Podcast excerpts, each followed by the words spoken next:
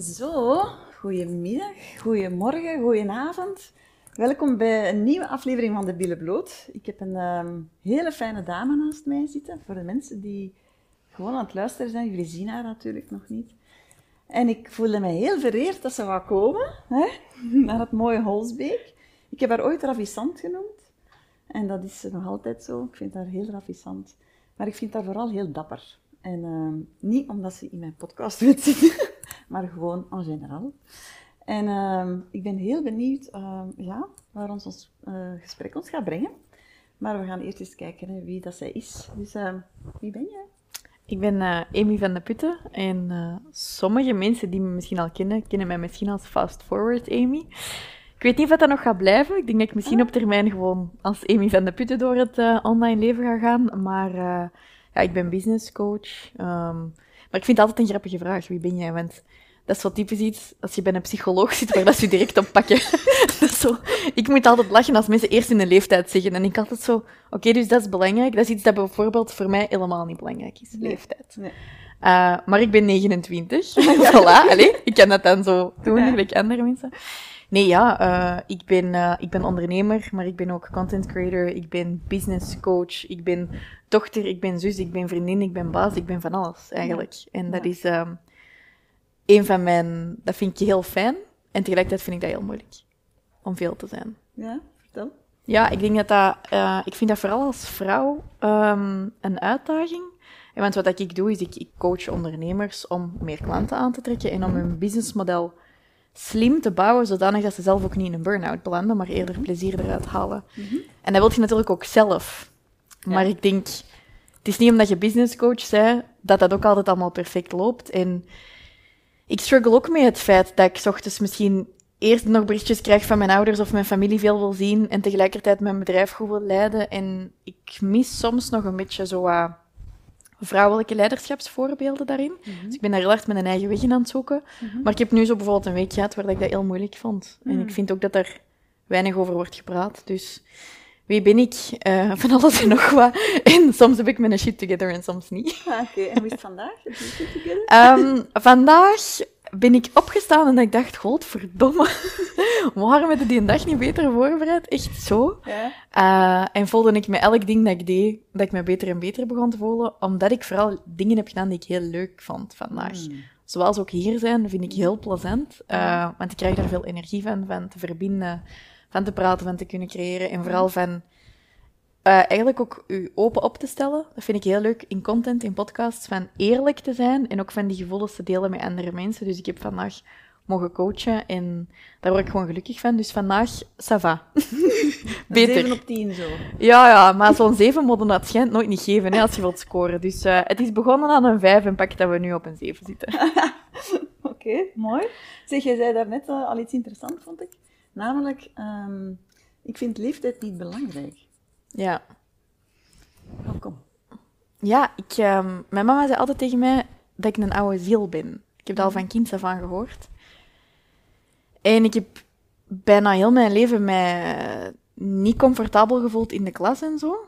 Uh, op latere leeftijd bleek dan van, ah, je bent hoogbegaafd, je bent hooggevoelig, uh, hoogsensitief, zo een race aan uh, van alles en nog wat. Mm. En ik kwam eigenlijk altijd beter overeen met mijn ouders en vrienden dan met kindjes uit mijn klas. Ah, ja. en ik heb zo ook wel een speciale band met mijn ouders. Ja. En mijn papa zegt altijd dat hem, toen ik zes was, heel volwassen gesprekken met mij voerde. Um, en ik heb nu ook, ik, heb, ik ben zelf 29, ik heb een vriendinnengroep van allemaal vrouwen die in de 40 zijn. Oh, ja. uh, onlangs een 50ste verjaardag gehad van dus een van mijn beste vriendinnen. Mm -hmm. En ik vind dat zelf gewoon, ja, ik heb daar zo niet echt iets mee. Ik, ik heb mensen in mijn team ook, uh, van 23, 24, 25. En soms denken mensen van, oei, ik ben de jongste en dat is dan erg. Maar mm. ik zie dat niet. Net zoals ik opleiding eigenlijk ook niet echt zie bij mensen. Mm -mm. Ik vind universiteit en zo ook niet belangrijk. Mm. Dus dat zijn zo van die typische labels waar ik zelf minder waarde aan hecht. Mm. En waar hecht je dan wel waarde aan? Integriteit. Ah, daarom zit je hier. Ja, ja ik denk um, integriteit, authenticiteit, um, ja, echtheid, denk ik. Mm. Zeg, hoe voelt het voor jou om vrouw te zijn in 2022, maybe? Ik heb daar lang geen issues mee gehad. En toch komt dat in vlagen. Maar bij mij is dat echt vanuit een... ehm, vanuit die verwachtingen die dat er in maatschappelijk zijn en die dat je hebt geïntegreerd zelf. Dat was dus mijn struggle van deze week. Ik was aan het struggelen met het feit van, en ik heb twee bedrijven, en ik heb een vriend, en familie en vrienden, en een huishouden, en moet zoveel doen. En ik kan me inbeelden dat als mama nog veel, veel meer is. Dat je alles van jezelf verwacht. Hmm. En ik vind dat toch nog iets mm, dat gewoon onderschat of ondergewaardeerd wordt. Door de mensen rondom jou, door de maatschappij, door jezelf? Alles. Ah ja. En wat Ja. is het effect daar dan van op u?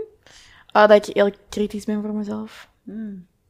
Ik voelde dat deze week, dat er zo met mijn nicht over waren gaan lunchen, waar ik dan blij mee was, dat ik tijd had gemaakt om dat te doen. Ja. En die zei van, amai, je staat ineens, je bent zo aan het wankelen, dat had je een paar weken geleden niet. Je stond veel sterker in de schoen. Ik zeg, ja, inderdaad. Ze zei, je bent zo hard voor jezelf. Ik zeg, ja. En ik voelde die emoties gewoon naar boven komen. Ik voel dat nu ook, terwijl ik dat zeg, echt zo aan mijn keel. Ja. En ik dacht, ja, dat is in mijn ogen, als je zo'n een, een high achiever bent, Hmm. dat is soms heel goed. Maar je valkuil is dat je niet wilt falen, dat je veel dingen als kritiek aanneemt. En dat je gewoon heel veel verwachtingen hebt van jezelf. Hmm. En dat is zo ook het voorbeeld vandaag de dag dat ze zeggen van... Hoe is dat met kinderen? Je mocht niet meer zeggen... Hey, het is niet van, je bent een goed kind of zo, maar dat ding heb je goed gedaan. ja, Maar je ja. bent niet goed. Ja. Maar ik denk nog altijd wel dat ik een goed kind ben als ik het goed doe. Ja. Op mijn 29. ja, ja, ja. Maar dat komt toch niet door jouw opvoeding? Want wat ik daarvan heb meegekregen, is dat jij toch groot geworden bent in een heel open gezin. Absoluut. Heel open gezien. Bijvoorbeeld over seks werd er bij ons heel veel gepraat aan tafel. Dat is over. Maar ehm, tegelijkertijd heb, ben ik wel opgegroeid tussen drie broers. Ja. En met een vader dat, eh, ik kom daar super goed mee overeen, maar die dat wel heel performance-focused is. Ja. Dus ik heb daar wel... ehm, ik, ik weet niet of ik dat juist ervaar, maar voor mij voelt dat alsof dat ik zowel die mannelijke traits als die vrouwelijke traits, of dat dat nu karakteristieken zijn van mensen, of yin en yang, of mannelijke en vrouwelijke energie, ik weet niet wat dat allemaal is. Hmm. Maar ik voel dat ik, omdat ik net misschien zo'n sterke band heb met mijn papa, van mezelf verwacht dat ik en mijn mama en mijn papa ben. Hmm. Maar je bent ook hen allebei toch? Ja, maar ik heb wel aan 24 uur in een dag. Dus de- dat was bij ons toch wel, of, of ik heb dat misschien vanuit mezelf gewoon inherent als kind gehad, maar ik wou wel altijd goede punten halen. Hmm. En was het dan vooral voor je, voor je papa dat je dat deed? Nee, Nee. totaal niet, want dat boeide die echt niks. nee, nee, totaal niet. Ehm, goh, waarom was dat? Ja? Want, dat- want je kreeg daar iets voor in de plaats, toch? Alleen niet, niet letterlijk daarom, maar qua gevoel. Nee, ja, want dus effectief, wij kregen nooit niks, geen cadeaus, niks. Nee, dat was nee. zo ook echt iets dat mijn ouders zoiets hadden van, dat doet je voor jezelf, dat doet Ja. je niet voor ons. Ja. Ehm, ik denk, ja, dan, dan komen we op die, waar haalt je je eigen waarde uit, hè? Ja. Ik heb dat ook een tijd gehad met geld. Een tijd minder zelfvertrouwen gehad, dan begint je geld te verdienen en dan haalt je een stukje waarde uit geld. Mm. Terwijl dat dan niet hetgeen is dat je, je eigen waarde bepaalt. Mhm. Ehm, ik weet niet of dat, iets is dat bijvoorbeeld eh, veel meisjes hebben dat veel harder, dat ze goede punten willen halen en echt zo goede studenten zijn. Sneller dan jongens. Mijn broers hadden dat niet zo. Oh, die mogen echt nooit naar al die podcasts luisteren waar ik... Wat grappig, want ik kreeg er net een WhatsApp van mijn broer. Het staat blijkbaar op mijn e-maillijst. En eh, wij noemen die Bolly. Dat is mijn Ja. jongste broer. Maar het is een heel dikke baby. Gewoon, dat zijn drie weken zijn we die Bolly beginnen noemen. En hij heeft zich blijkbaar op mijn e-maillijst ingeschreven als Lawrence Bolly van de Putten. En ik zet dat dan zo in die e-mail, dus hij stuurde mij een screenshot dat hij een mail had gekregen waarin ik zeg Lawrence Bolly van de Putten. Moest keihard lachen, dat was echt een uur geleden. Ehm, waar was ik beland? Ja, je zei van, eh, dat, dat vooral, dat vooral Ja. meisjes daar last van hebben. Dat kan van alles zijn, hè, maar ik Ja. denk ook wel voor een stuk... Als je dan wel even... Ik lees zo heel, heel veel boeken uit 1800 en zo. Mhm. Zelfs als je nog naar een serie zoals Mad Men gaat kijken, wat in 1950 is of zo. Mhm. Vrouwen zijn zo lang onderschat geweest, intellectueel, dat je dat soms ook wel gewoon nog wilt bewijzen, ook nog. Ik heb dat nu soms nog, dat ik ervan schrik dat ik in situaties zit dat ik toch nog die nood voel om mij te bewijzen. Dan denk ik, allee, godverdomme. Maar je wordt ook wel gewoon nog heel veel onderschat. Ja, onderschat en onderdrukt ook. Ja, heel veel. Ja. Dus denk, god, misschien is het eigenlijk niet raar, hè, lieve. Het is helemaal niet raar. Nee. Nee, het is helemaal niet raar. ik vind dat zelf niet raar, nee. nee. Maar eh, heb je daar echt last van? van? Ik bedoel, kom je dat vaak tegen, dat je, dat je het gevoel hebt dat je anders behandeld wordt dan een man? Als ik in mijn eigen cocon zit, niet. In mijn eigen omgeving niet. Ehm, wanneer ik dat wel merk, voor mij persoonlijk, is twee gelegenheden. Oftewel, als ik naar een event zou gaan, dat zo een typisch ondernemers-event of netwerken is. Mhm. Uh, ik noem het zo uh, het syndroom van de kakkikleurige hemde mannen die daar dan rondlopen en u niet serieus nemen, 95% mannen. Mm. Um, Ja, een bedrijfje waarschijnlijk. ja, een Ja. bedrijfje met klantjes. Ja. Ehm, oftewel, ja, ik rijd rallies met mijn papa. Ja. En ehm, dat heeft daar niet per se te maken met geld of intellect of, of succes, maar ik, ik herinner me wel een situatie een paar jaar geleden. Wij waren heel goed aan het rijden. Mhm. Eh, 's middags stonden wij eerstes of tweedes. En op het einde van de dag zie ik een man staan. En ik had gehoord dat die in pannen waren gevallen. Aan het begin van de dag ik denk ik, oh, ik ga daar even iets tegen zeggen van, amai, dat is zonde, hè. Dus zeg je, ah, maar ik heb het gehoord dat jullie in pannen zijn gevallen. Jammer dat je het niet hebt kunnen afmaken. En hij zegt, ah, nee, dat waren wij niet. Ik zeg, ah, oké. En hij zegt zo, en is het een beetje gelukt bij jullie?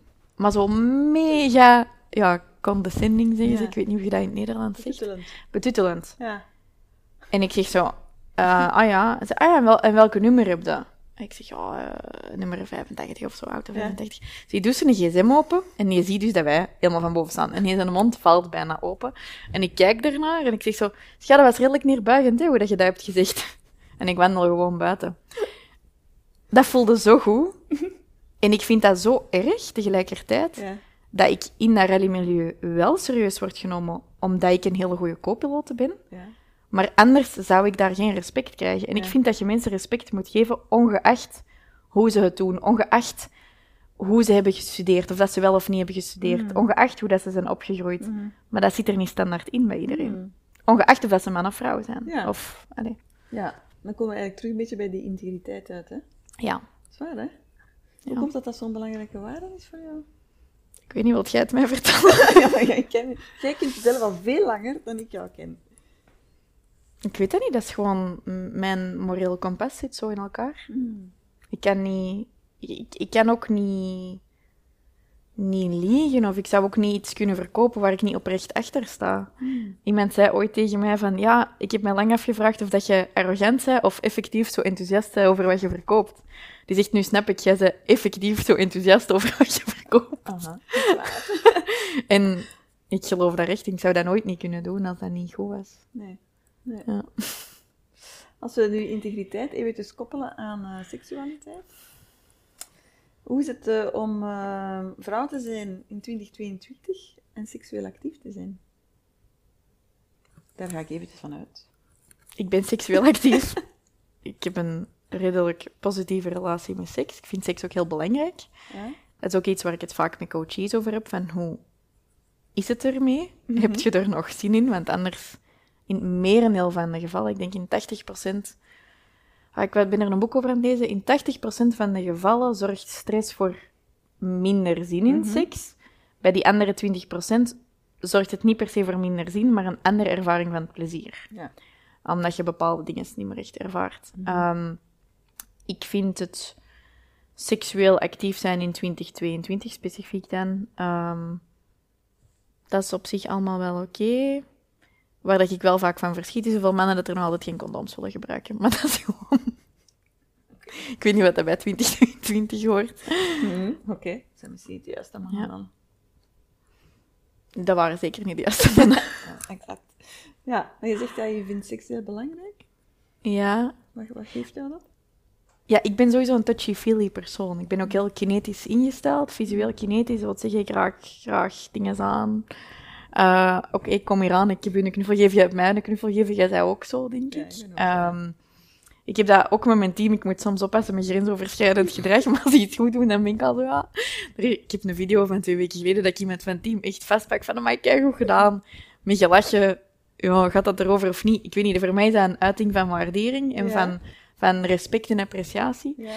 Dus ik vind fysieke ehm, aanraking heel belangrijk. Mhm. Dat is ook een van de manieren waarop ik liefde toon en ervaar. En ik ben ook opgegroeid in een gezin waar dat er heel open over seks gepraat werd. Mm. Dus ik heb daar minder scrupules met dan andere mensen, vaak. Mhm. Ja, want ik vind zo'n teamlid knuffelen vind ik eigenlijk wel heel allee, normaal tussen aanhalingstekens, niet? Ja. Maar dat voelt bij u dan toch ergens zo van, oh, wat kan Nee, nee, die Ah, video nee, was nee. gewoon heel grappig. Ik zal hem eens niet tonen.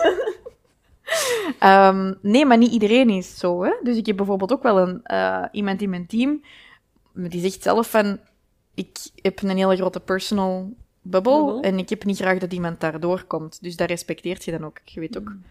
bij wie dat je dat wel of niet moet doen. Hè? Ehm, Mhm. Ja. Zeg, en welke normen ervaar jij rond seksualiteit? Moet je daar eens een voorbeeld van geven? Een norm waar dat veel vrouwen mee worstelen, bijvoorbeeld, hoor ik, is dat eh, er een limiet staat op het aantal bedpartners dat ze mogen hebben. En dat dat voor mannen bijvoorbeeld geen issue is. Ja. Voel ik ook wel. Nou, we mogen wel zin hebben, maar ook weer niet te veel, hè, want ja, dan... eh, Ja, ik heb daar eigenlijk al... Ik struggle daar nu niet mee. Ik zit nu in een relatie waar dat, dat, dat we heel goed op dezelfde lijn zitten. Dat is een hele goede, hoge lijn. Ja. Ik ben daar heel blij mee. Ehm, ik heb wel in het verleden ook al een relatie gehad waar dat bijvoorbeeld eerder het taboe was dat ik heel veel zin had in seks en hij niet. mhm. Ik ben sindsdien ook te weten gekomen dat dat wel vaker speelt in relaties, maar dat is een enorm taboe dat een vrouw meer zin heeft dan een man.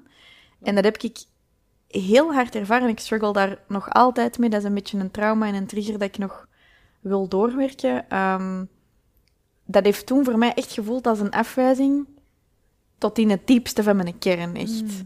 Dus ik heb op de dag van vandaag nog wel sneller zoiets van, als iemand geen seks wil, Mhm. dan ervaar ik dat echt als een hele grote afwijzing. Hmm. Hmm. Is dat dan omdat dat, dat, dat, dat samenvalt op een of andere manier? Met Ja. iets? Ja, met liefde en met, met graag gezien worden voor mij. Dus ik, eh, ik was daar van de week over aan het nadenken dat dat eigenlijk zelfs een gesprek is dat ik met mijn partner nog moet hebben. Om dat eens uit te leggen van... Want momenteel zit dat heel goed. Maar ik herken wel snel dat ik daar snel onzeker van word. Hmm. En ik kan ook wel terugleiden naar van wat dat, dat komt. Mhm. Ehm, en, dat, en dat komt van stomme dingen zoals bijvoorbeeld met een oudste broer. Die is helemaal niet knuffelig. Maar als kind, je bent enig meisje, je hebt drie broers. Ja, er werd ook altijd een beetje gelachen van... eh, je zit emotioneel of je weent te veel. Ja, nee, ik ben gewoon een, een meisje en ik heb emoties. En Ja. ik toon die. Ja. Ehm, en wij hadden zo aan een running joke dat ik daar een jaarlijkse knuffel van kreeg. Oh ja, ja. Maar...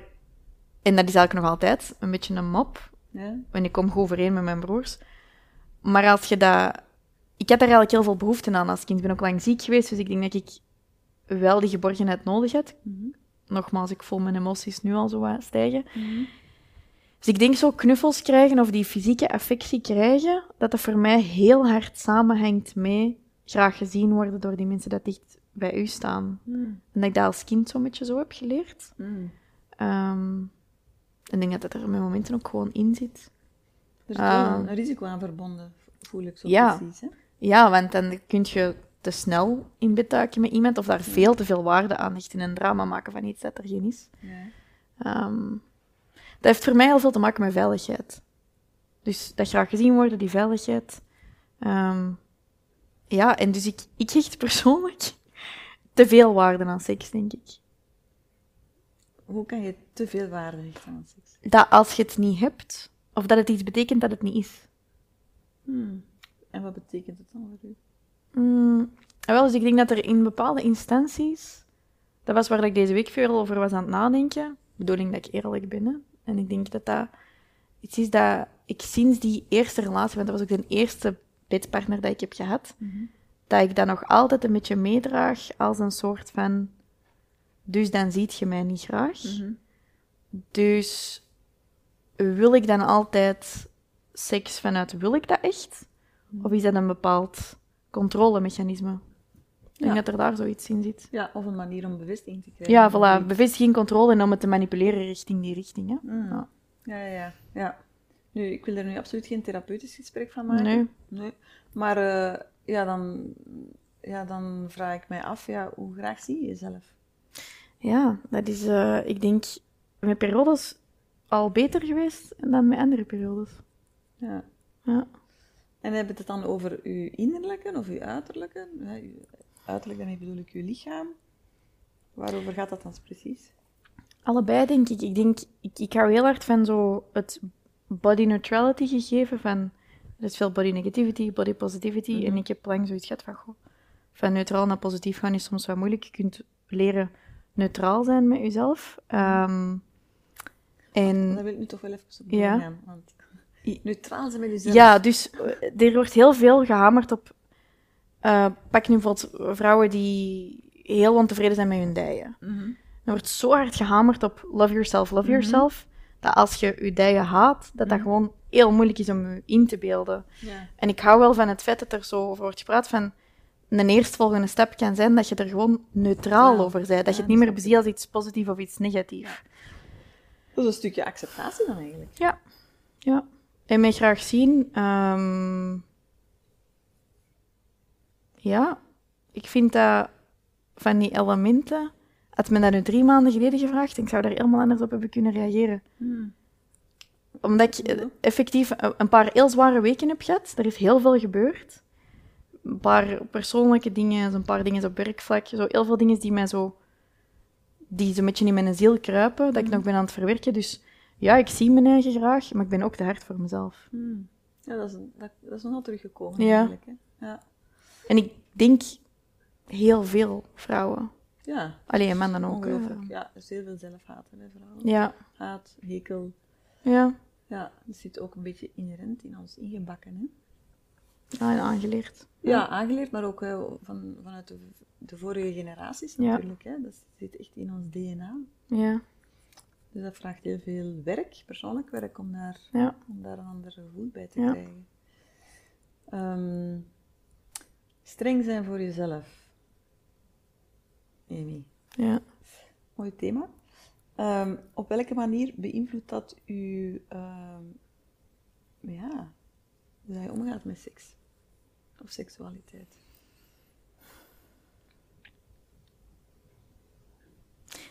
Ik wil zeggen, ik denk dat dat eigenlijk wel meevalt.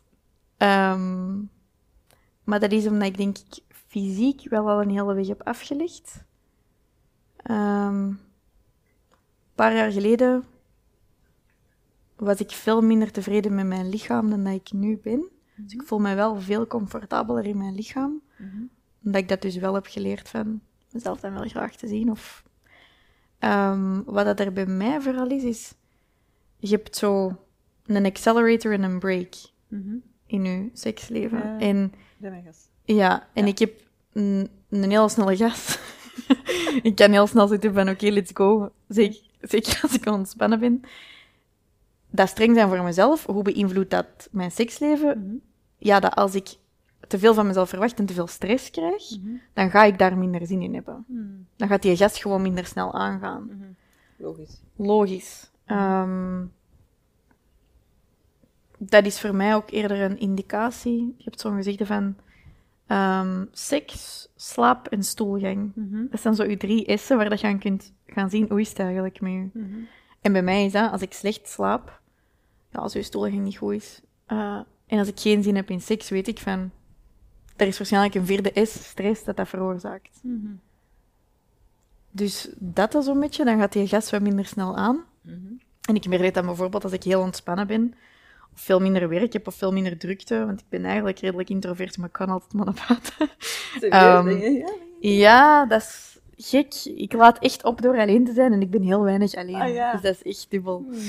Ehm, Niet ideaal. nee, maar dat is wat introvert-extravert zijn. Ik hou Ja, ook wel van die mensen rond mij en die energie. Ja. Maar ehm, als ik dan wel zo even alleen ben, dan voel ik ook zo dat de trek terugstijgt. Dat ik Mm. daar wel zin in heb. ja, dus je laat wel snel op. Ja. Ja.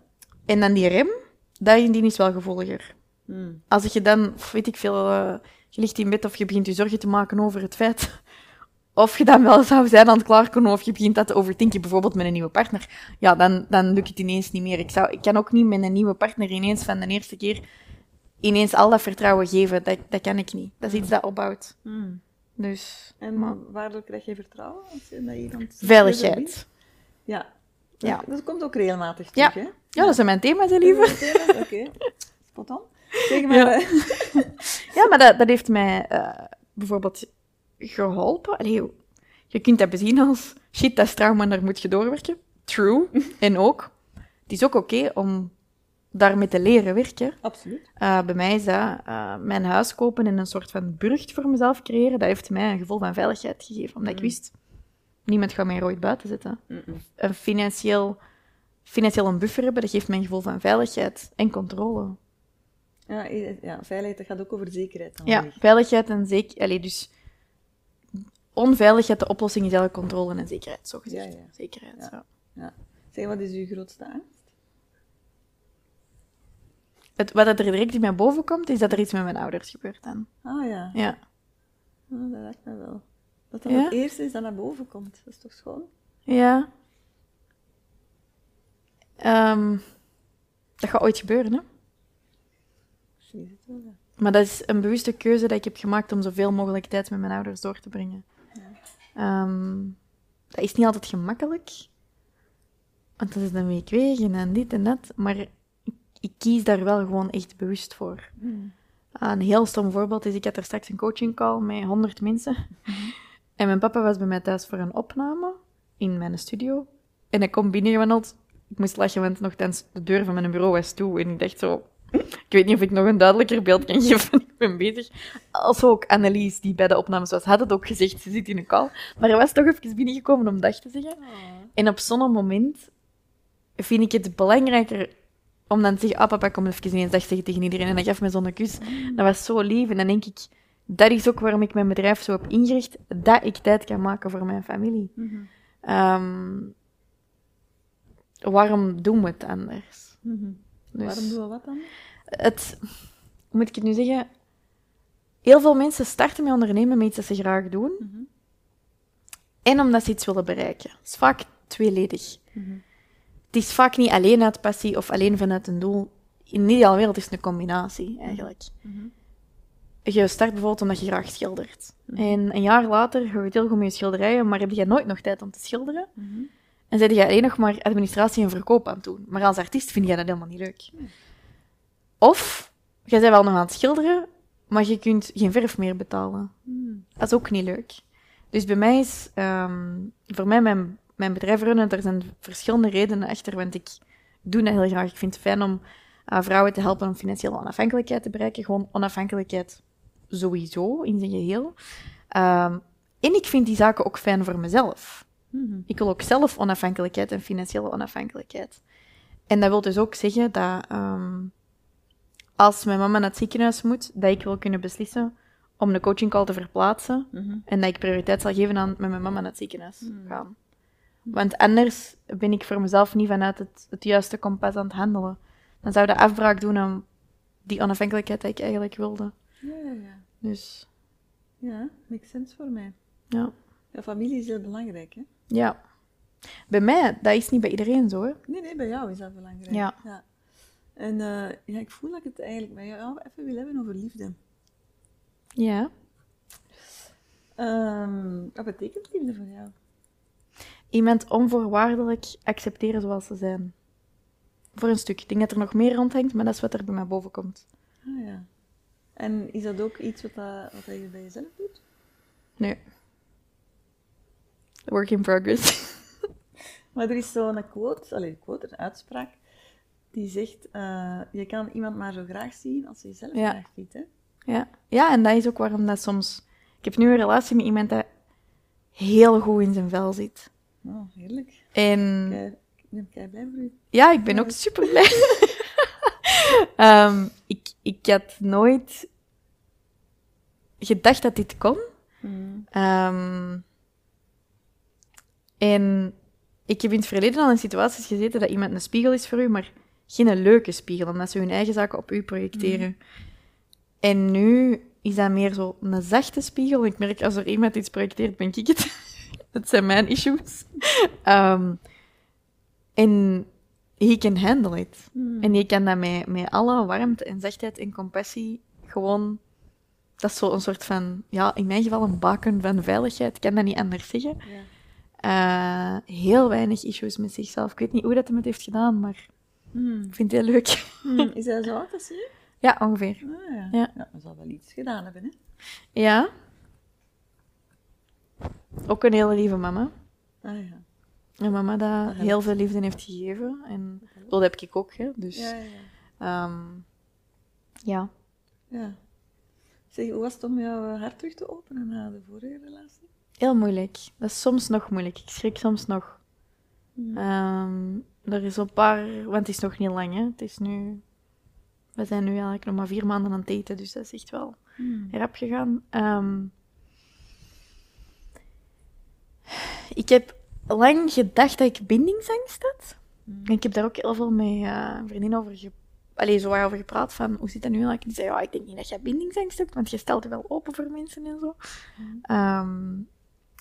Maar het is eerder verlatingsangst. Hmm. Lastig, hè? Ja, en ik voel echt zo wel, elke keer breekt er zo'n muur af nu. En die is die walst zo door al die muren. En ik ben echt zo, met momenten dat ik echt ineens besef van, oh, die muren zijn nu weg. En, maar het begint te winnen. Ja. Eh, ik moet er ook nog niet hard over nadenken als dat zou wegvallen. Ik, in mijn ogen zelfs geen optie nu. Mhm. Mhm. Dus, ehm, maar dat was wel eng. Ik heb ook niet zelf daarmee beginnen daten. Dus mijn beste vriendin heeft gewoon gezegd, toen dat ze mij zag zitten op het moment dat ze echt dacht van, god, er had toch iets anders moeten gebeuren. Ehm, dus waar dat ik nu eh, mee samen ben, die heeft in de lagere school gezeten met mijn beste vriendin. En Jessica zat echt aan tafel bij die zo... "Oh, ik weet iemand. Zeg, Ik kan eens een bericht sturen en vragen wat hij nog single is. Heeft hij op die moment echt een bericht gestuurd? En ik was zo, allee... eh, gewoon zo van, deze kun je niet menen. En die had direct geantwoord en zei zo, zeg, mijn vriendin Amy, eh, mag je daarmee op date sturen?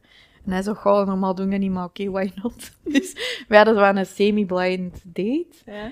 En we hadden elkaar een paar jaar geleden al eens ontmoet op een event. Ja. Twee keer zelfs. De eerste keer dat ik heb gesproken voor een zaal met Jessica, Mhm. daar zat hij in de zaal. Ik heb Mhm. er blijkbaar daarna mee gepraat. Ik wist het zelfs niet meer. Hij had toen ook een vriendin en zo, dus.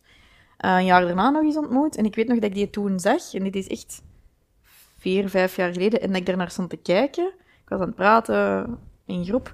Ik dacht, amai, die heeft chance. Dat is echt een hele goede gast. Mhm. Dat is echt zo geflasht door mijn hoofd toen. Ja. En dus Jessica zegt gewoon, oké, de zondag om vier uur gaan jullie koffie drinken. Wij hadden nog nooit gestuurd, niks. En wij zaten daar voor een koffie zo, hallo. En ehm, koffie gaan drinken en eh, uiteindelijk nog een ijsje gaan eten en nog iets gaan drinken en dan nog gaan eten. En nu zijn we... Hier. En heeft hij mijn kat geadopteerd. Oeh. Nee, eh, ik ben heel blij. En dat is een heel ehm, fijne plek om te zijn in zo'n relatie. Ik ben heel blij dat ik vorig jaar de beslissing heb gemaakt om uit mijn relatie toen te stappen. Mhm. Dat was enorm pijnlijk. Dat was echt niet gemakkelijk. Ik heb daar... Ik mis mijn ex-plus kinderen nog elke dag. Maar je kunt niet in een relatie blijven daarvoor. Ehm, ik denk wel als ik toen had geweten hoe moeilijk dat, dat ging zijn, weet ik niet of ik de kracht zou hebben gehad om eruit te stappen. Het was echt, heeft echt heel veel pijn gedaan. Ehm, Maar ik heb dat toen gedaan omdat ik wist van, deze is niet mijn toekomst. Mhm. En ik ben blij dat ik die keuze heb gemaakt, zodat ik nu een nieuwe toekomst heb kunnen maken. Hmm. Ja, ik zei het bij mijn intro, ik vind u een heel dappere vrouw. Ja, ik ken jou nogthans niet zo goed. Maar hoe dat ik jou zie bewegen en... Ja, er zit een veel wijsheid in jou, hè? Vind je dat zelf ook zo? Ja, dat is lief dat je dat zegt. Ik vind dat zeker van u komend een mooi compliment, want ik vind dat van u ook. Ja. Ehm, ik, eh, ik heb dat denk ik gewoon op een jonge leeftijd moeten, moeten dapper zijn. Hmm. Ehm, ik heb zo twee punten in mijn eh, kindertijd dat heel belangrijk zijn voor mij. Mijn mama, haar beste vriendin, is toen gestorven. Maar die haar twee dochters waren mijn beste vriendinnen. Hmm. Ja, dat is nog altijd. ehm, op zo'n moment ziet je dat gebeuren en denk je. Ik was me er heel bewust van, maar dat was die en mama, dus die waren zich er veel minder bewust van. Hmm. Ja, sorry. Dat is oké. Dat mag gebeuren. En dat is iets. Dan beseft je ook van, die hebben geen mama meer. En je hebt zelf wel een mama, dus Mhm. En dan daarna ben ik ziek geworden, eh, een paar jaar later. En ze hebben heel lang niet kunnen vinden wat het er was. Ik had uiteindelijk een ontsteking. Maar dat heeft echt heel lang geduurd. En ehm, Mijn mama is echt met mij... pff, elke dokter dat er maar was afgegaan. Die heeft echt gevochten. En ehm, ik praat heel vaak over mijn papa. En dat is, dat, is ook, dat is ook een vechter. Maar wat dat mijn mama toen heeft gedaan, wat dat vrouwen soms kunnen doen voor hun kinderen, dat is... ehm, dat zijn zo van die video's dat je ziet dat er zo'n auto op een kind valt en een vrouw dat kan opliften, hè? Omdat dat haar kind is. Ja. Dat is elke beetje wat hij toen heeft gedaan. En die is zo dapper geweest toen. En die is toen tegen zoveel mensen ingegaan en gezegd, dat is niet waar, dat klopt niet. En uiteindelijk hebben wij wel die oplossing gevonden. Gelukkig. En dan was hij ineens heel snel opgelost. Ja. Ehm, en eh op latere leeftijd is er eh, een vriend van mij en mijn broers verongelukt. Op zijn 27. En dan is dat weer zo het universum voor mij dat zegt van... Alles wat je nu niet meer kan doen, je gaat dat wel doen. En je gaat geen enkele dag laten liggen. Dat is misschien ook waarom dat ik dat soms wat te veel maar dat is zo nog iets, als ik de zon zie scheiden, dan, dan denk ik aan een Dennis. En dan denk ik, ja, ik kan het allemaal niet meer doen. Dus ik ga gewoon alles halen uit mijn leven wat ik eruit kan halen. En uit mijn relaties en vriendschappen en mijn passies. Hmm. Niks laten liggen. Ja, want als ik nog een woord zou mogen plakken op u. het is ook wel intens. Ik vind u heel intens. Ja, super intens Ja. Ja, Enfin, je kunt alleen maar herkennen bij de Ja. dat je zelf hebt natuurlijk.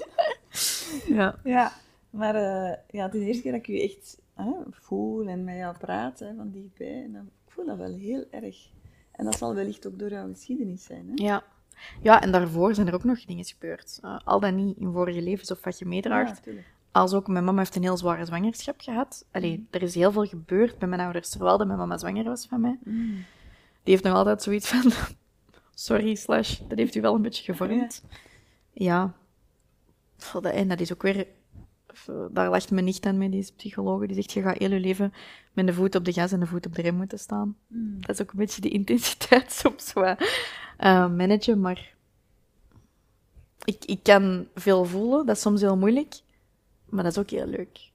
Je kunt ook intens gelukkig zijn en intens graag zien en, en voelen en, en heel veel liefde geven. Ik heb ook heel veel liefde om te geven. Dat, dat kan ik soms echt zo voelen. Ehm, ja. Ja, ik voel heel veel warmte als ik zo naast jou zit. Ja. Mensen schrikken daar vaak van als ze mij in het echt ontmoeten. Omdat ze zeggen van online ben ik minder toegankelijk. Maar dat is omdat ik zo aan een muur heb moeten bouwen. Want dat gaat niet. Nee, Maar gaat dat niet? denk- dus, dat is echt heel moeilijk. Ik herken dat wel, hè, want dat zeggen Ja. mij ook natuurlijk. Hè. Ja. Ja. Maar, eh, maar je zegt dat gaat niet, wat gaat er dan? Ja, hoe dat je het ook draait of keert, mensen zeggen online zaken die ze nooit in het echt zouden zeggen. Hmm. En dat zorgt ervoor dat je je ook moet opstellen op een manier dat je je in het echt ook niet per se zou opstellen. Mhm. Als mensen met meer speren gaan werpen, moet jij ook een groter harnas aandoen. Mhm. Een beetje, denk Ja, ik. zoiets. Dat is jammer, want ik zou liever niet spreken in termen van harnassen en een grote rondwandelende pinguïn zijn heel de tijd. Maar dat gaat niet. En dat is ook niet per se... Ik- Een paar weken geleden hebben we een eh, event gehost met alpha-vrouwen in, eh, in Antwerpen. En op het einde van de avond stond ik in de bar met allemaal andere alpha-vrouwen. En er is een man naar mij gekomen en die kwam mij eigenlijk lastigvallen. Totaal ongevraagd. Ik was in het midden van een gesprek. En heel lang verhaal kort, ik heb toen gezegd van, ik ben niet geïnteresseerd, nee dank u. Die is toen heel grof beginnen doen, die is weggewandeld, die is teruggekomen. En ik heb toen, deels uit ook een bescherming voor de vrouwen dat er rond mij stonden, heel duidelijk gemaakt van, ik heb nee gezegd. Mhm. En ik verwacht dat je dat nu luistert, dat jij nu naar mij komt. Mhm. Dat ligt niet... Allee, ik heb toen gewoon echt heel duidelijk gemaakt van, dit doet je niet. Mhm. Die was heel kwaad en is toen weggegaan. Ik heb daarna ook gezien dat, ieder- dat er niemand niet alleen naar zijn auto ging en al die zaken, want ik vertrouwde die situatie echt niet. Mhm. Maar ik, ik vond dat banaal lastig naar die andere vrouw. Ik zeg, ja, was dat te hard? En die hadden allemaal zoiets van, maar ik wou dat ik dat kon, wat dat je juist hebt gedaan. Mhm. En ik voel dat ergens als mijn plicht om ook te laten zien dat je grenzen moogt stellen, dat je je niet moet laten doen, dat je moogt nee zeggen, want daar zijn heel weinig voorbeelden van. Mhm. Dus dat is oncomfortabel soms voor mij om te doen, maar wel nodig. Dus ik bezie dat meer zo als mm, ook mijn plicht om, ja, om daar een beetje in voor te gaan of zo. Ik Ja, een niet. voorbeeld Ja. zijn. Ja. En Ja. hoe komt dat je dat lastig vond naar de andere vrouwen toe? Want dat lijkt me net heel, eh, heel powerful. Ja, omdat... Weet je, die zeiden dat ook van, mij dit zou ik niet gekund hebben. Dus iedereen schrikt ook wel even. Mm. Dus je voelt dat ook wel aan. Maar ze schrikken van, meer vanuit zichzelf Mhm. dan vanuit wat jij doet. Maar ehm, ik vond dat ook echt gewoon heel erg dat ik dat moest doen. Want dat was dus nog, eens- nog eens gebeurd. En er zijn zo op een paar weken tijd een paar dingen gebeurd. Ik denk dat dat heeft bijgedragen aan dat ik me zo wat ietsje minder stabiel voel momenteel. Ik, I was caught off guard, precies, de Mm. laatste tijd. Mm. Ehm, Zo'n paar keer in situaties beland dat je niet voorbereid bent, zoals toen. Je zit in een gezellige omgeving te praten met allemaal alpha vrouwen aan een fantastische event. Ja. En ineens staat er zo iemand rak in je personal space. En dat, is- dat triggert me dan wel echt enorm. Maar dan komt wel die fight-reflex boven. ja, dat is invasief gewoon. Ja. Maar ik heb een paar maanden geleden op een event gestaan, andere situatie, waar dat er een oudere man te veel had gedronken en zijn hand op mijn kont heeft gelegd. En ik ben toen even gefrozen. Dus als je dat even allemaal optelt en zo nog wat andere dingen van de laatste maanden, ja, Mm. hoe voel ik me dan als vrouw in 2022? Goh, soms echt kwaad, eigenlijk. Ik denk dat het dat eigenlijk is. Ja. Ja. Omdat... Ja. Dat dat nog allemaal gebeurt. En dat er nog zoveel werk is. Maar dat laat ook zien dat er nog zoveel werk is en, en dat ik daar Mm. mijn steentje in kan bijdragen. Maar weet je, mijn eigen vader is zo niet. Mm. Die heeft mij ook opgevoed als... Of dat je nu dochter of zoon of whatever, dat maakt niet uit. Maar de meeste mannen zijn zo niet opgevoed. De maatschappij is zo niet opgevoed. Nee, de maatschappij is heel toxisch hè, daarin. Dus daar is nog werk te doen. Ja. Zeg, en heb je daar voor jezelf zo een, een, een idee over hoe dat wat eigenlijk komt? Want ja, als, ik verschiet er wel van. Nu, alle vrouwen die hier gezeten hebben, hebben allemaal van die verhalen. Ik, Ja. My god. Zeg, Hoe dat, dat komt dat dat gebeurt. Ja, hoe komt dat, dat dat dat nog altijd gebeurt, terwijl we toch allemaal weten dat dat niet oké is? Goh, wat er bij mij boven komt als je dat zegt, is ehm, heel het verhaal van Raise Your Sons Better. Hè? Ja. Zit in de opvoedingen. ehm, maar, goh, om het zeggen, lieve, we kunnen kinderen momenteel niet eens leren schrijven zonder dt-fouten. Hoe gaan we ze dan leren hoe, wat dat normen en waarden zijn, Ja, als je het niet van thuis meekrijgt? ja, ja. Dat vind ik een grappige vergelijking, maar alleen goed. Ja, pff, ehm, en, en waar gaan we het laten afhangen van de overheid? Eh, Er rijdt geen enkel trein op tijd. Niks in Nederland werkt, bij wijze van spreken. Een paar Ja. dingen maar. Hoor Ehm, ik daar enige frustratie? ja, absoluut. Ik ben heel eh, anti-overheid. Ik kan het eigenlijk zo samenvatten. Ik heb deze zomer een business summer school gerund, twee Ja. maanden lang gratis, voor meer dan 4000 mensen. Omdat ik het absoluut niet kunnen vind dat je afstudeert, of dat nu van het middelbaar is, universiteit, hogeschool, maakt niet uit. Je leert niet wat BTW is zelfs. Mm. Nochtans kopen wij heel de dag allemaal producten aan met BTW. Ja. Je leert niks over je financiën, je leert niks over communicatie, over seksualiteit, over relaties. Ik vind dat een regelrechte schande. Mhm. Ja, dus ons onderwijs. Ja, je leert wel wat dat de, de fauna en de flora in de heiden is. Ik weet niet wat het allemaal is, maar pff, ik weet niet. Leert kinderen eens tellen met euro's in plaats van met appelen en peren misschien? Ja, bijvoorbeeld. Of leert ze eens iets over seks dat niet resulteert in dat ik op mijn 16 berichten krijg van vriendinnen oei, de condoom is gescheurd, zal ik dan nu twee pillen van een vriendin pakken? Mhm. Als ik school zou hebben, wat ik trouwens ben aan het bouwen. Een business school, die daarna kan uitgroeien hopelijk naar gewoon een school, online, volledig. Ik wil ook een business school for kids maken. Mhm. Dat is allemaal nog heel nieuw. Niemand weet deze, is nog dan Ehm, ik dan. Dan zou ik, denk ik, elk kwartaal opnieuw seksuele voorlichting geven, maar veel meer dan het nu is. Mhm. En ik zou ook iedereen blijven drillen in condooms aandoen, totdat het er echt... Totdat ze het allemaal echt kunnen. En snappen dat het nodig is, ook dat. Ja, en consent en al die Ja. zaken, dat is gewoon Ja. een schande dat dat er niet is. Maar aan de andere kant, je kunt niet verwachten dat mensen het aanleren als ze het zelf niet begrijpen. Nee, dat is ook zo. De reden dat je niks leert over gezondheid op school is... niemand weet echt hoe het werkt. Mhm. Waarom leert je niet over geld? Ja, de mensen die het moeten aanleren weten het zelf ook niet. Nee, dat klopt. Dus ja, ik heb daar wel frustraties. Ja, en kun je je goed kwaad maken? Nee, Oh. ik ben dat nu aan het leren. Ik ben vorige week vier keer kwaad geworden. ik, was ook, ik was in Portugal vorige week en uh, er Ah, waren wat situaties... Ook. Oh, Ja, ah, echt? Oké. Er waren effectief wat situaties om kwaad over te worden. Ehm, en ik merk dat dat onder andere door mijn relaties, Mhm. nu, dat ik precies zo denk, ah ja, ik kan mij kwaad maken, omdat die mij daar heel hard zo... Die heeft zoiets van, zijn maar volledig wie dat je bent en laat het er maar... Hij zegt, ik wil het allemaal weten, dat je 100%... Dus ik kan dan zo wat razen over dingen en zo. En ik voel dat het... Die assertiviteit is aan het stijgen. Ja. Ik begin me daar beter bij te voelen. En dat is iets dat nodig is. Ik zou ook wat meer moeten roepen en zo. Ja. Dat niet zo vastzetten in mijn lichaam. En ik ben dat gewoon om dat echt vast te zetten. Ik ben er ook heel hard door verdikt. Dus Ja. ja. Ja, dat is echt heel belangrijk. Er is trouwens uw chakra, ik weet niet of je het kent van chakras, en die tweede chakra, die werken Ja. samen, hè. Voilà, dus dat kwaad worden, ehm, ja. We hebben er al wel met gelachen business-wise, met lanceringen, dat wij zo even op het terras gingen staan en echt zo de kerst en beginnen roepen. Of een boksbal en zo'n bokssessie, zou maar eens even. Maar het, het meer... Ik, ik ga meer naar wenen in plaats van kwaad worden. Hmm. En ga je ook wenen als je kwaad bent? Ik weet eigenlijk altijd. Kijk, ik heb het juist ook al geweend. Ik laat het er ook gewoon uit. Ik denk dan zo, als het er is, moet het eruit. Ja. Ehm, ik ben nog maar zo weinig kwaad geweest, dat ik daar niet op kan antwoorden.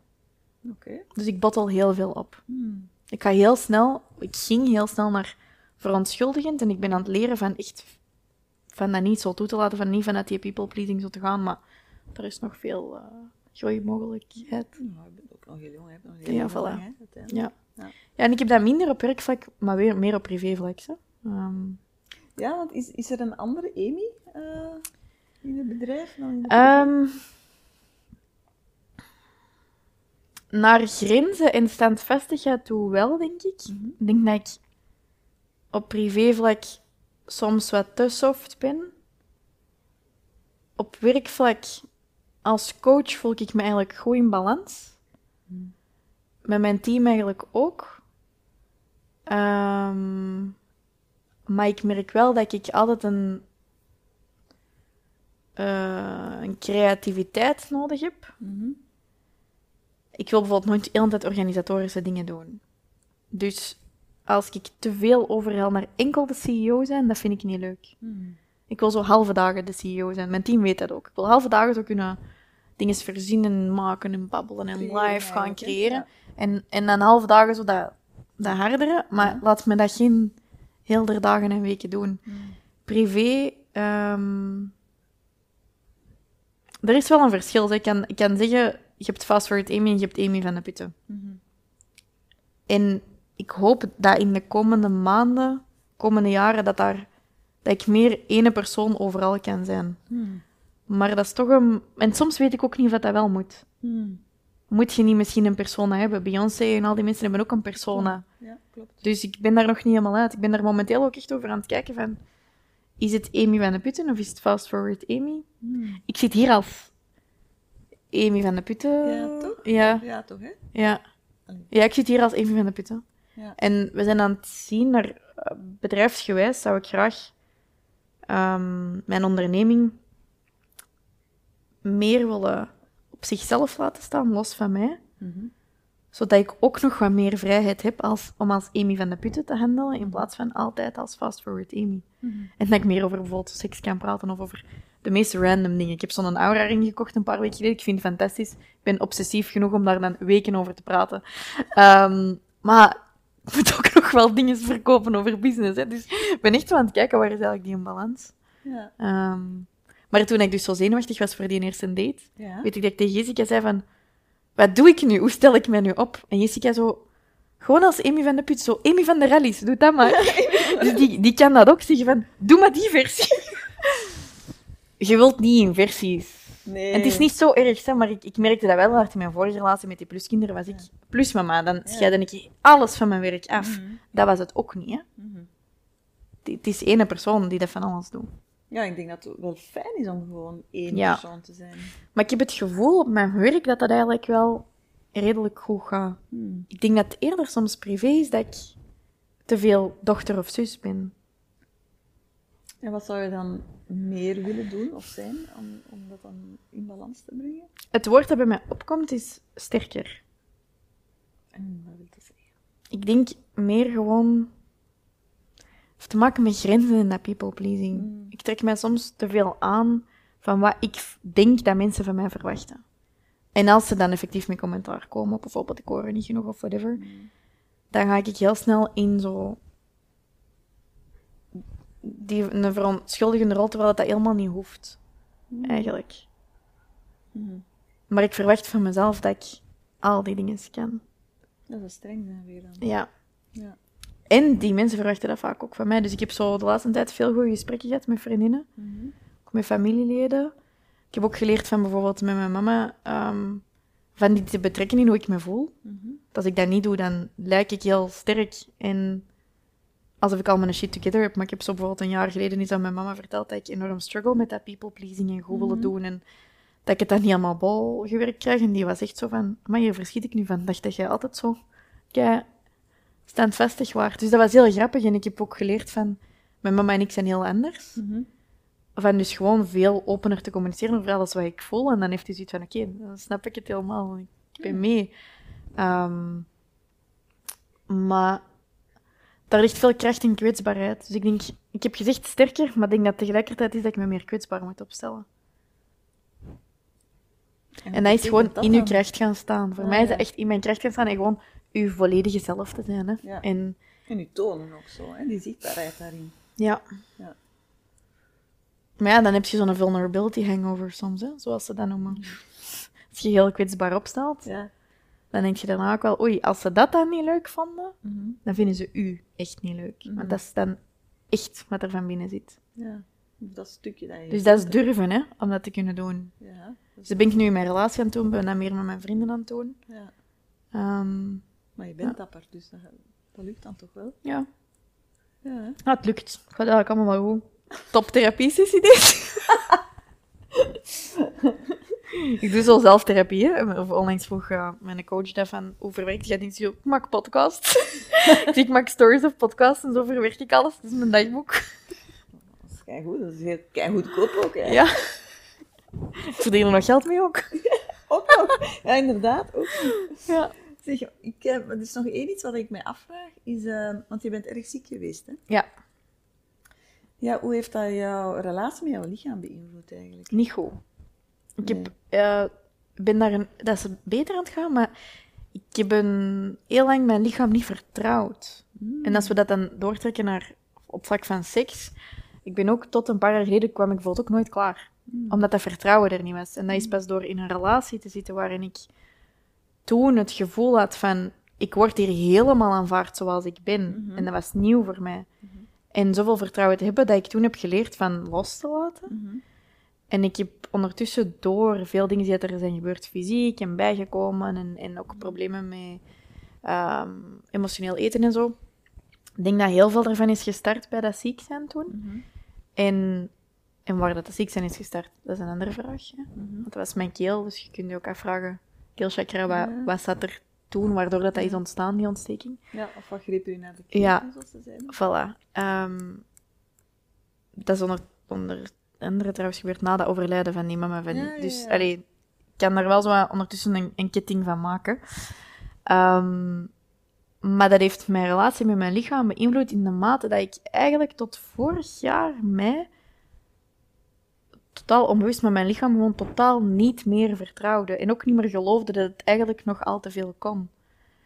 En ik heb daar toen heel hard door gepraat vooral. eh, met Jessica, mijn beste vriendin. We waren twee weken op reis en wij hebben op die twee weken bereikt wat je een enkele therapeut of coach had kunnen bereiken tot die, dan toe. We hebben twee weken gewoon puur gepraat over dat, dat fysieke, die gezondheid, wat dat er niet stopt. En blijven gaan en blijven gaan en super obsessief. Heerlijk. Totdat wij op het einde van die twee weken zeiden van... Ja, oké, goed. Hier kunnen we mee aan de slag.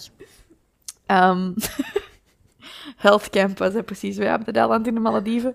Een hele week slecht weer gehad, ja. Dat is uw eigen retreat eigenlijk. Hè? Wij hadden gewoon een retreat voor onszelf. En dan moesten wij zo te googlen en dingen te lezen en aan elkaar te Ah, vertellen. Ja. Ehm, en ik heb toen besloten dat ik terug wilde geloven in mijn lichaam. En ik ben aan die belief beginnen werken. Mm. Ik ben aan beginnen werken aan... Ik wil terug spelen om te winnen. Ik wil terug zo fit mogelijk zijn. Mm. Ik wil mij zo goed mogelijk voelen. En ehm, ja, dat heeft veel veranderd. En ik voel dat dat geloof en dat vertrouwen in mijn lichaam is aan het stijgen. Mm. Zijn jullie terug een beetje vrienden dan? Ja, meer. Maar ik voel wel dat dat nog niet... ehm, mijn lichaam is nog niet helemaal van mij. En waaraan merk je dat dan? Ehm, dat, is- dat voelt gewoon als een bepaald iets dat ik dat voel van... Dat is al meer wie dat ik ben, maar er is nog wat gewicht in, dan bedoel ik mentaal gewicht, maar dat uit zich ook in een fysiek gewicht, dat er nog is dat eigenlijk nog mag vertrekken. Van dingen die ik mag loslaten. Ben zo vorig jaar ook, na het beëindigen van mijn relatie, is er ook ineens heel veel gewicht vertrokken. Ja, ja, ja. Ehm, en daar hangen wel handelingen bij, maar er hangt ook heel veel mindset rond bij mij. Hmm. Dus ehm, ja, Zeg, en als je nog die bepaalde dingen nog zou loslaten, waarvoor geef je dan ruimte? Of waarvoor maak je dan ruimte? voor mij zelfliefde en lief, lief. Oh, cirkel is rond. vertrouwen, veiligheid, liefde, al die Ah, ja, dingen. is dat zo? Want dat heb je al allemaal heel sterk, toch? Ja, maar het gaat ook heel goed, eigenlijk. Allee, zo'n uur geleden niet, hè, maar nu... ik zit er maar mee aan het lachen. Nee, nee. Het, ehm, Ik voel me ook... eh, ja, ik weet het niet. Ze zeggen dat soms dat dat tussen je 27 en je 30 gebeurt. En Saturn return en ik weet niet wat wel en is. Maar voor mij begint dat wel te voelen alsof dat ik zo stilletjes aan ben aan het aankomen, zo. Met een trein of zo. Ja, op een, een plek van meer zo grounded te zijn, heel de tijd. Oké, Ja. klinkt goed. Ja, voelt wel top. Ja.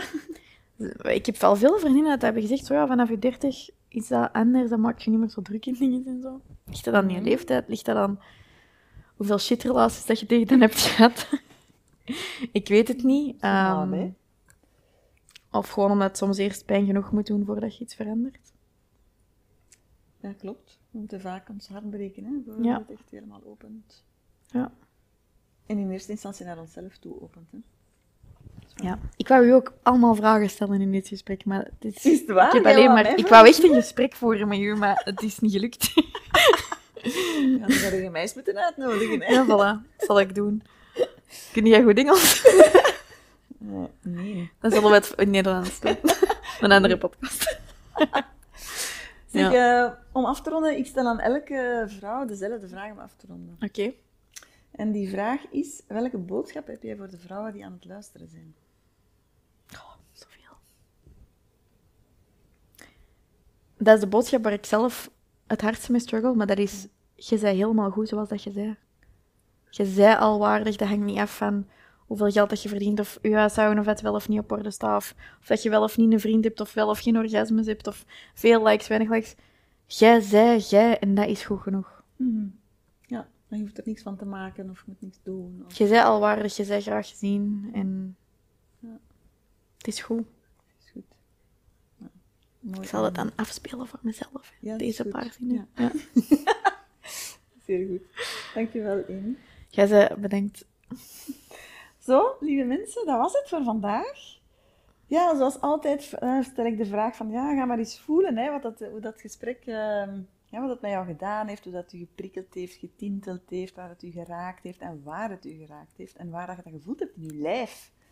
En ehm, ik hoor het allemaal heel graag. En ehm, ik kijk er al naar uit om eh, jou terug te zien voor een volgende aflevering van Met de Billen Bloot. Tot gauw.